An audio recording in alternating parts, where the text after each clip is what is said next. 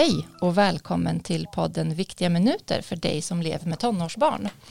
Ehm, vi har en hel del nya lyssnare tror vi här nu som kanske inte riktigt vet vad vi gör. Vi är ju förebyggarenheten i Kristinehamns kommun som ligger under socialtjänsten. Och vi jobbar med föräldraskapsstöd bland annat men också lite med ANDT-frågor och eh, trygghets och brottsförebyggande frågor och så. Ehm, och jag som pratar heter Klara Tuvesson, med är också min kollega Jessica Flod. Hallå. Ehm, och idag så tänkte vi prata om eh, källkritik i kris. Och då har vi med på telefon här Anna Täljfors. Hej hej! Hej Anna! Hej! Hej hej! Hej! Och du är, um, jobbar på MSB med kommunikation kring, i risk och kris. Kan man säga så? Ja, det kan man säga. Både så förebyggande, som man ska göra inför en kris eller i normalläge och sen hur, hur livet blir helt enkelt och hur vardagen blir i en krissituation jobbar också med nu. Så just nu är det mycket corona har varit ett tag. Ja, självklart. Eh, är ju, snuddar ju lite det som vi tänkte prata om. Att det är mycket som händer och det är mycket information och det är mycket nyheter och det är många som pratar och tycker om eh, eh, corona och generellt i kristider. Verkligen, ja. ja. Um, varför är det viktigt att vara lite försiktig i en kris eller som det ser ut just nu med eh, information? Alltså det är jätteviktigt. Jag tror ibland kanske att vi inte förstår hur viktigt det är och att vi som är föräldrar inte ens förstår hur mycket våra barn och ungdomar utsätts för liksom, i informationsflödet varenda dag. Eh, allt sker så himla snabbt. Allt bara sprids jättefort. Och eh, är man ung idag så har man kanske inte riktigt heller koll på vilka källor som är liksom tillförlitliga. Det där är ganska knepigt. Alltså jag såg till exempel mina barn hade sett på TikTok som är en så rolig ja, social media-kanal där man gör så musikvideos och sånt där. Mm. Alltså där sprids det jättefort nu att så här, hur kom, vilket konstigt land Kina är och tänk att de äter vilka djur som helst. Och, så mm. Och uh, allt det här är liksom deras fel och de är helt dumma i huvudet ungefär. Uh, och då får man liksom titta på det tillsammans med dem och så fundera på liksom, hur har det här kommit fram nu och varför vill, vem är det som vill att vi ska tycka så? Mm. Alltså, det är ett ganska konkret exempel och jag tänker att man måste förstå och det här har vi inte behövt ha förut, för förut hade vi inte sociala medier. Förut hade inte alla en röst i det här bruset. Det är väldigt fint att vi kan få ha det i en demokrati som i alla fall Sverige är. Att vi får tycka, att vi får lägga ut bilder och vi får skriva. Liksom. Men, men det blir ju också jättesvårt när det helt plötsligt finns så himla många experter. Mm. Men jag tänker, hur, hur? hur, Ja, men absolut. Och då tänker jag att eh, hur ska jag, jag som förälder då veta vad, vad som är sant. Hur ska jag hjälpa mina barn att guidas rätt i det här så att jag själv som vuxen blir trygg i det? Vad ska jag tänka på? Jag tycker man kan titta tillsammans. Alltså att man kanske inte bara säger så här ja, tänk nu på att allt är inte sant på nätet. Utan när man liksom sätter sig ner och tittar så här, vad, vad fick du idag för annonser på, eller vilka inlägg såg du på Instagram eller vad de nu mm. använder det? Vad har ni pratat om på Snap eller vad säger folk? Eh, och så, så här, liksom, kanske förklara skillnaden mellan till exempel vad en forskare har kommit fram till efter flera år och vad någon bara tycker. Mm. Eh, som sagt, så här, det är ju fritt att tycka också men man kanske måste förstå den skillnaden. Mm. Nu har vi haft här under ganska lång tid presskonferenser varje dag med, med flera stycken myndigheter som berättar det senaste läget i Sverige om coronasmittan. Mm. Och det tror jag är, det är liksom något som inte ungdomar är vana att titta på. Alltså man tittar inte på tv, kanske, nyheter och inte på Sveriges Television eller så. Mm. Uh, och det här tal till nationen och statsministern, jag tittade på det med mina barn och det tog ganska lång tid liksom för dem att fatta så här, vad är det här för något egentligen. Men han sa ju inget särskilt. Nej, men det finns ett värde att just han pratar mm. till alla. Alltså man får nästan gå igenom och göra som en liten utbildning för dem. Men det kräver också att man är engagerad själv och då kan mm. man inte alltid vara. Mm. Såklart, alltså våra situationer är ju jätteolika och det är ju inte alltid man har möjlighet till sånt. Men jag, jag tänker att någonstans där finns ju kärnan. Bara, mm. Vad vill typ landet Sverige säga till oss nu? Eh, vad är en myndighet ens? Varför finns den? Vad har den för uppdrag? Och, och sen är det ju det här problemet liksom att igen, det är både ett problem och en möjlighet. Alltså självklart ska ju media granska oss myndigheter. Eh, det, det är självklart, men det blir också lite eh, jobbigt tror jag för många att ta till sig att först så säger Folkhälsomyndigheten en sak på tv och sen så skriver en kvällstidning motsatsen. Mm. Och för att förstå de här processerna och liksom hur det funkar. Liksom med det, var, var, varför säger de så och de här säger så? För att förstå vilka olika uppdrag de här instanserna har. Det är ganska komplext. Liksom. Det är inte ja. så jättelätt. Mm. Det är inte alltid vi tänker på det själva. Mm. Uh, och även om barnen läser om det i skolan så är det... Jag tror att man måste liksom få exempel och det får vi nu väldigt tydligt. Så använd dem nu, tänker jag. Liksom. Okej, nu såg vi på löpsedeln att så här, en massa andra människor säger tvärtom och de verkar kunna jättemycket också. Vem ska man tro på? Ja, men alltså vi har ju inte ens alla svar nu. Vi kommer ju se det efter ett ganska långt tag. Mm. Men än så länge så är det väl vettigt ändå att lyssna på dem som har jobbat med det här i tiotals år mm. och som har förberett sig på en pandemi och som vet ungefär så att det här är sannolikt att det kommer hända. Och man, man mäter och man har liksom riktiga instrument för det och hur man kan kartlägga spridning och allting. Mm. Jag tror också det, är det, är jättesvårt. Alltså jag tycker själv att det är jättesvårt fast jag jobbar med det här. Så ja. jag förstår att man tycker det är superknepigt. Mm. Men också att kunna ha den där diskussionen som du pratar om, att kunna säga att ja, det, här är, det här är vad människor, som du säger, som, som har forskat, som, som kan saker, säger. Och sen så mm. får vi tycka vad vi vill. Och, och, och jag får tycka annorlunda och du får tycka annorlunda mm. och fotbollstränaren får tycka annorlunda. Men vi måste ändå mm. följa på något sätt eh, det som vi ska följa.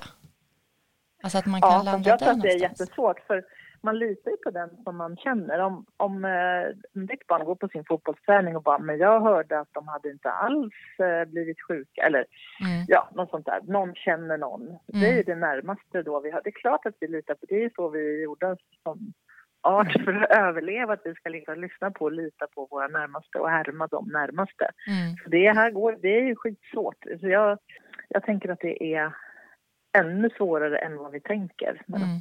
Det som du sa nu är jätteviktigt. Att tycka och liksom veta, det är, liksom, det är två ganska olika saker. Mm. Och då har du pratat om det här med stötta, att man kan eh, att man kan utnyttja ändå att de får mycket information, att man kan fråga så här, ah, vad har du sett och hur, hur tänker du kring det och så. Um, mm. Men om man har en ungdom som, inte, som man tycker inte släpper så en tanke som man själv tycker är fel. Um, förstår vad jag menar? Om man, om man har en ungdom som faktiskt inte uh, tror på uh, det man själv tror på i, i Du menar att ungdomen har ett annat tycke Exempelvis att vi behöver ja. inte bunkra ja. toapapper. Nej, men jag här, tycker det. Eller? Jag tror inte att det är farligt att träffa mina kompisar. Mm. Alltså när det gäller den här situationen som ju faktiskt kan bli farlig så tror jag att man måste liksom acceptera ibland att eller man måste liksom ta på sig den där ledarrollen. Även om man inte har den normalt så kanske det här kan vara ett tillfälle att bara nu får alla skärpa sig. För att det här kan bli konsekvenserna. Att folk vi känner eller liksom folk, människor i vår familj eller på vår ort eller så kan faktiskt bli allvarligt sjuka och dö. Och då får man kanske liksom ta, hämta hem det där igen, tänker jag, och diskutera det igen. Och mm. bara, ibland är det ju så en kris, eller liksom, nu är det här en väldigt seg och långdragen kris, men, men jag har jobbat med många liksom väldigt snabba händelser. Och då är det ju så att då får ju någon bara styra och sen får man diskutera efteråt. Jag tänker mm. att man kanske kan ta till sig lite av det. Mm. Bara, jag styr med hela handen nu. I vår familj, vi fattar beslutet nu. Visst, det kommer att bli en del uppoffringar. Men man, man kanske liksom... Det är samma för alla. Mm. Och det är man ju inte heller riktigt van vid. Vi lever ju i ett samhälle som är väldigt liksom anpassat till var och en av oss ändå. Våra olika eh, liksom förmågor och behov. Mm. Men i det här läget så är det samma regler som gäller liksom, för oss allihop. Vi ska hålla avstånd, vi ska inte åka buss i onödan. Mm. Vi ska inte gå och handla och göra nöjesgrejer, alltså som där vi befinner oss just nu. Liksom. Mm. Men så man kanske får vara lite strängare än vanligt. Mm. Och det blir också tråkigt, för det är ju redan tråkigt allting. Det är ju redan jättejobbigt. Mm. Och sen så måste man också vara sträng. Men jag, jag, tänker att det kanske måste få vara så. Och tänker hur många andra länder det är så. Mm. Alltid till vardags. Mm. När man lever i krig, alltså familjer som kanske måste tyst, vara tysta, gömma sig, inte ha mat. Det som vi går igenom nu är egentligen Alltså vi har ju ändå vatten och mat och frisk luft och vi kan vara ute. Man får kanske liksom ha lite perspektiv på det där, tänker jag. Men så jag, jag, tycker själv att det kan vara ganska jobbigt det här med att du säger att eh, eh Folkhälsomyndigheten säger en sak. Eh, att det här, så här ska vi förhålla oss. Sen så kommer de olika, eh, kommunerna i Sverige och gör sin tolkning på det. Och inte nog med det så kommer skolan med sin tolkning utifrån vad mm. Folkhälsomyndigheten har sagt. Mm. Så man blir ju lite snurrig själv kan jag uppleva. Ja. Och det är svårt att förhålla sig till det. Att mm. nej, du får inte träffa dina kompisar fast jag får ju vara i skolan. Alltså det blir, det blir mycket så. Mm. Ja.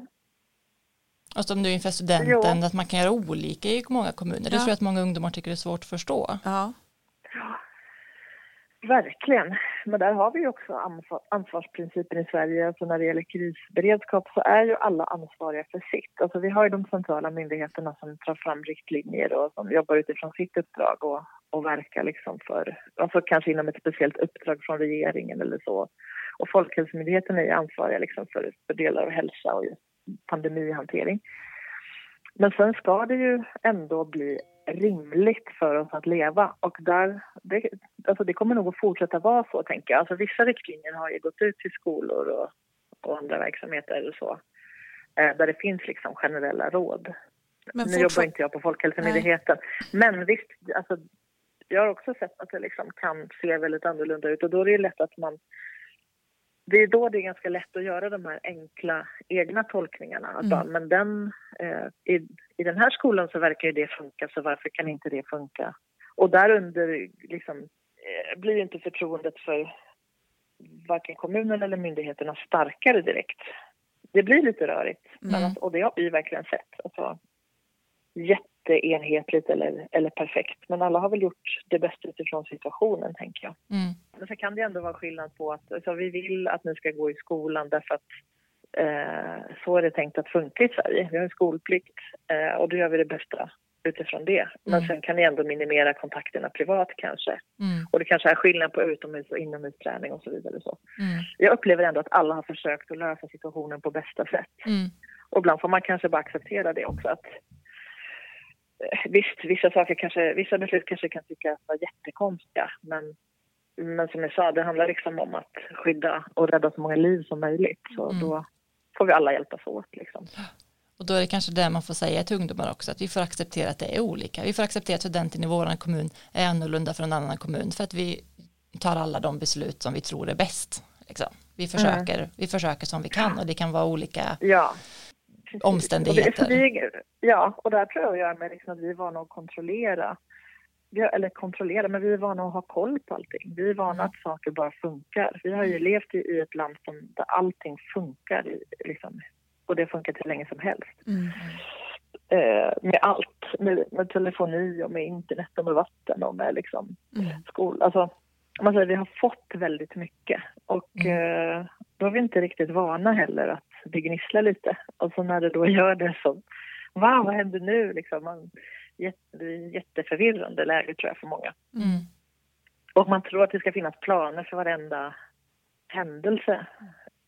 Det finns det ju övergripande, men just det här att isolera oss från varandra, mm. det är någonting väldigt nytt. Mm. Och får jättestora effekter på massa sätt. Mm. Och väldigt svårt emotionellt. Ja, liksom så, att det är det. verkligen. Ja. Nej, och det är ju i det här klimatet också, tänker jag, att nu är vi ganska trötta. När vi har hållit på här i två månader, mm. det är nu, liksom, tror jag. Um, jag är inte expert på det här området, men jag har jobbat med krisberedskap så pass länge och kommunikation att jag tänker att det är nu som vi är kanske känsliga för... I början lydde vi bara Mm. det orkar man inte göra hela tiden utan man liksom börjar liksom bilda sig en egen uppfattning nu. Ja men vänta var det så farligt med det här eller jag känner ingen som är sjuk. Liksom, det där är väldigt olika beroende på var man bor. Jag tror att det är nu som det är som farligast, liksom, men nu som man är som mest sårbar för att bli vilseledd också. Mm. Apropå det här med liksom, källkritik och vilka olika nyheter som kommer till oss. Mm. Och där är det bara en uthållighet. Alltså jag måste ju säga att jag tycker att just de här presskonferenserna, de kan verka supertradiga. Men det är ganska skönt att de ändå kör sin stil. Absolut. Att bara, så här är det. Liksom. Nu bara fortsätter vi. Det är skittråkigt men... Men hur kommer det sig att andra länder vill sprida, liksom, jag vet inte om du kan svara på det, lögner liksom? För det, det frågar ju mina barn om. Varför säger Norge si eller så? Alltså, det där såg vi när vi på MSB gav ut den här broschyren för två år sedan som heter Om krisen eller kriget kommer. Eh, som är den här orange-gula, alla fick den i brevlådan. Mm. Jag vet att jättemånga har sparat den. Mm. Den, fick, den fick ganska man säga, lagom uppmärksamhet här hemma eh, i media. Det var liksom så här, ja nu ska vi bli bättre på beredskap. Men internationell media älskade att vrida och vända på det där och skrev typ så här Sweden is preparing for war Alltså det var hur många artiklar som helst. Det var helt eh, överväldigad av det intresset. Jag, jag, vet inte vilka mekanismer som ligger bakom men det ligger väl liksom, det finns väl alltid, och nu säger jag inte att det var det nu, eh, stater och organisationer som använder just så här vilseledande information för att försöka påverka andra länder, andra länders värderingar och hur vi agerar. Mm. Alltså det, det har ju varit ett vanligt sätt liksom, inom krigsföring, alltid. Mm. Um, och även om det här inte var det så, så, märker man liksom hur snabbt det går. Alltså den här bilden av ett annat land. Mm. Eh, alltså vad vet vi om den egentligen? Alltså om vi säger så här, ja men Italien, där gjorde de så och så. Ingen av oss är ju i Italien, vi kan inte veta om det stämmer. Mm. Utan då måste man kanske känna någon där som man pratar med. Eller liksom. Man behöver ju massa olika röster för att bredda den där bilden. Mm. Och jag såg till exempel de här, jag såg det på Instagram en liten film där man såg liksom alla länder hade bara helt stängt ner men i Sverige gick folk glada på gatorna, jag vet inte om ni har sett den. Mm. Eh, och den visar sig ju liksom inte ens vara filmad nu utan det var en gammal film mm. som man då hade klippt ihop. Men sånt där bara pang, det sprids ju liksom mm. ögonblickligen. Det räcker ju med att någon känd person också liksom delar kanske och så är det ju verkligen nu. Det delas ju en massa saker, både liksom skojiga klipp och eh, roliga talesätt. Och, mm. Men, och det och, kanske man kan eh, använda också tänker jag som förälder. Man kan säga att ja, men så här säger folk om Sverige, stämmer det tycker du? Mm. Nej, nej men mm. då, det vi säger om Kina kanske inte heller stämmer i så mm, fall. Precis. Nej men visst, alltså, och det går inte att veta. Jag tycker mm. sånt där är jättesvårt. Jag tycker allt egentligen som rör utrikespolitik kan vara jättesvårt att förstå. Därför man vet inte hur det är att liksom leva i det landet och man mm. vet inte hur deras, alltså man kanske måste ha känt in i 20 år hur, vad som hände innan och så vidare. Så det är superkomplicerade saker. Mm. Eh, så det där är, det är ganska otäckt faktiskt tycker jag, hur man bara snabbt kan få sig den där bilden och Mm. Och eh, då har ju vi kanske ändå, någon av oss tre, varit någon gång i Italien men som våra barn som inte har, eller i Kina, men som våra barn som där allting är så abstrakt fortfarande för de har inte mm. hunnit leva så länge. Då blir det här sanningar liksom, mm. som de kanske kommer att komma ihåg hela sitt liv. Men lite så som... Mm. Man tycker så instinktivt kanske mer illa om, om vissa länder, men vad beror det på? Mm sånt är livsfarligt. Alltså mm. Det är verkligen, det urholkar ju hela demokratitanken och det, mm. det är jättesvårt. Och det är ju någonting, som jag sa det här exemplet med när de äter levande djur på marknaden i Kina och alla skrattar åt det nu. Alltså, det måste man liksom ta upp och diskutera och lära sig mer om i så fall. Jag tror, det kan bli, jag tror att det kan bli väldigt eh, farligt. Har du några andra tips på så källkritiskt som man kan ta upp med sina barn? Eh, eller tillämpa själv också för den delen. Ja, precis. Jag tror att det kan vara bra att man, ja, precis. Eh, man ska alltid fråga sig liksom, vad är det här för någonting jag läser? Var kommer det här ifrån? Liksom, vem är det som säger det? Vem är det som tycker? Vad är det för person eller för organisation? Eh, och det kan ju också vara gammal information som återvänds igen till exempel. Eh, då får man liksom börja fundera på, är det här något som är relevant nu eller har någon bara plockat upp det för att det liksom ser snyggt ut eller kan påverka oss? Mm. Ni vet så gamla intervjuer med makthavare eller politiker eller där liksom det klipps om och förvanskas. Mm. och sen kan man titta på vad källan är såklart. Och där lär sig barn ganska mycket i skolan nu med källkritik, alltså det här enkla i sin enklaste form tänka, är det här en blogg eller en nyhetssida eller något annat, en myndighetssida kanske så. Ehm, det finns ju också jättemycket media som är alternativ och som också ska få finnas och som kan göra jättebra saker men man kan behöva liksom lära sig att titta så här, vem är ansvarig för det här, vem är ansvarig utgivare? Mm. Alltså ska man bli duktig på det så tar det ganska mycket tid. Men en grej jag tänkte på själv det är just att man kanske kan sätta sig och titta på samma sak tillsammans. Mm. Så, att, så att nu har vi liksom våra sanningar och våra världar i våra respektive telefoner och, då, och det är ju rätt dåligt. Uh, för liksom era barn kommer hem och bara såg ni det här som, ja jag vet inte vad, Jocke och Jonna sa. Mm, Eller någon som de har sett. Och så kanske ni också tittar på Jocke och Jonna men ni har sett en helt annan grej. Och så. Alltså så att sitta och titta tillsammans. Mm. Eh, och kanske värdera tillsammans och lyssna och diskutera. Mm. Men det här, det kräver tid. Vi är i liksom en, en uh, fas just nu där alla är skittrötta. Många har det superjobbigt hemma. Mm. Så att det är svårt. Alltså, det är både jätteviktigt och svårt men det tar mycket tid. Och, och det kräver mycket av oss som föräldrar tycker mm. jag. jag. Jag känner att jag har misslyckats på jättemånga sätt med det och det är jag nog inte alls ensam om. Nej. Men, men en grej man brukar säga det är lite så här om informationen verkar för bra för att vara sann så är den oftast det. Alltså det vill säga den är fejk. Eh, om det liksom kommer nu så här, vaccinet är klart, det kommer att mm. vara färdigt här innan jul på alla. Då ska vi liksom verkligen fundera på var kommer det här ifrån? Mm. Och sånt, sånt kan man ju lära barnen. Är det något annat som du tycker att, att vuxna eller föräldrar bör tänka på sitt eget agerande så, som du vill skicka med? Det är väl det här med vad man, alltså många vuxna använder också sociala medier och man diskuterar med vänner där och andra. Att man kanske funderar på vad det är man delar vidare själv. Mm. Uh, för alla de här, det finns ju väldigt mycket så roligheter som sagt kring corona också. Eh, och vi behöver ju det här roliga i vår tunga vardag just nu. Men man kan, man kan liksom titta även på sånt kanske lite. Och bara så här, vem, har gjort, vem har gjort det här och var kommer det här ifrån? Är det här från rätt källa? Vem är det som ligger bakom? Mm. mm. Och drabbar det någon, tänker jag också? Alltså får det ja, konsekvenser precis. för någon? Ja, ja, verkligen. Precis, det kan mm. ni verkligen få. Och det här med liksom inte ställa grupper mot varandra, det, mm. det vet vi historiskt mm. hur dåligt det kan vara. Mm. Uh, och så har det varit lite grann nu att man liksom, ja men det har spridits i vissa områden och språkförbistringar och så. Mm. Så mm.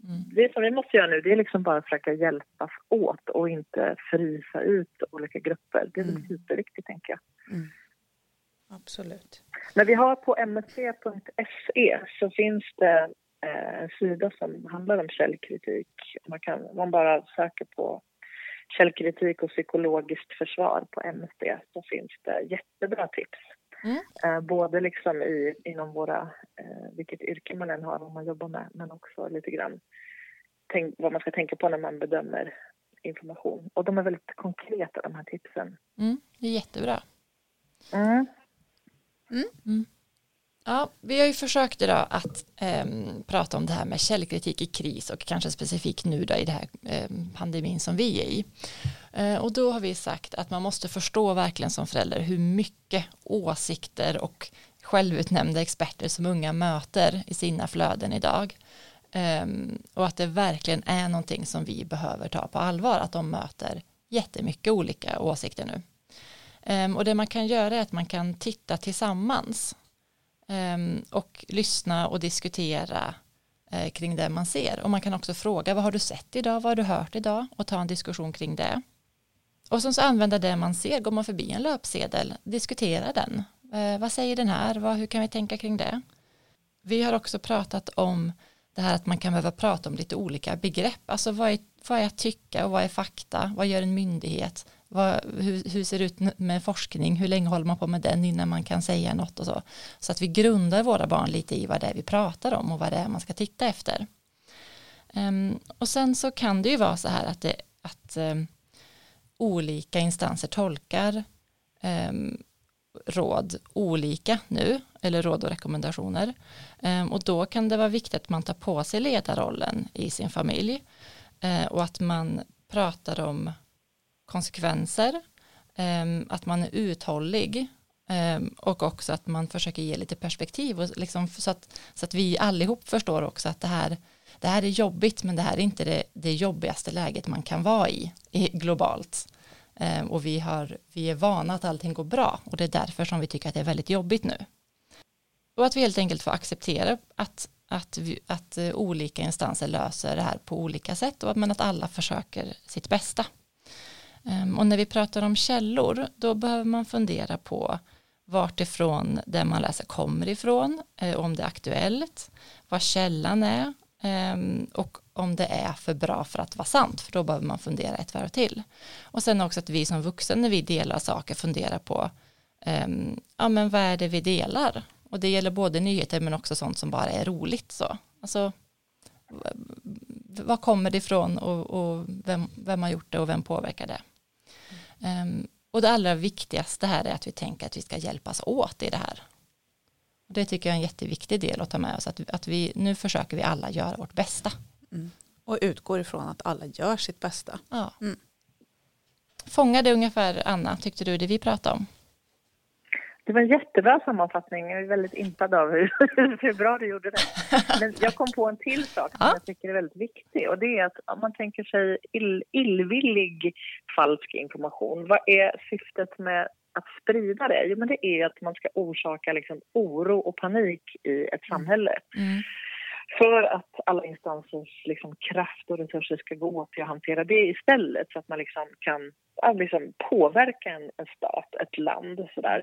Och där handlar det om någonting som vi inte riktigt är vana vid eh, i Sverige men som vi tränar på nu, tänker jag, inför något kommande som en annan svårighet vi kommer drabbas av.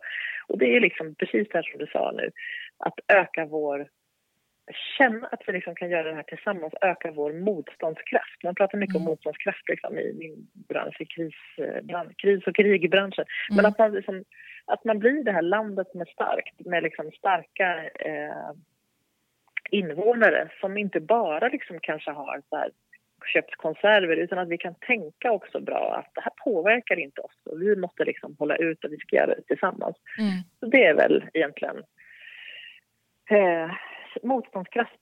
Mm, det är ja. precis det här som mm. det här handlar om, det som jag pratat om nu. Ja. Eh, och det psykologiska försvaret som är så himla viktigt och som vi nu ser liksom, att vi måste bygga upp mot det här digitala, de digitala hoten som är nya för oss och som inte är naturliga för oss människor.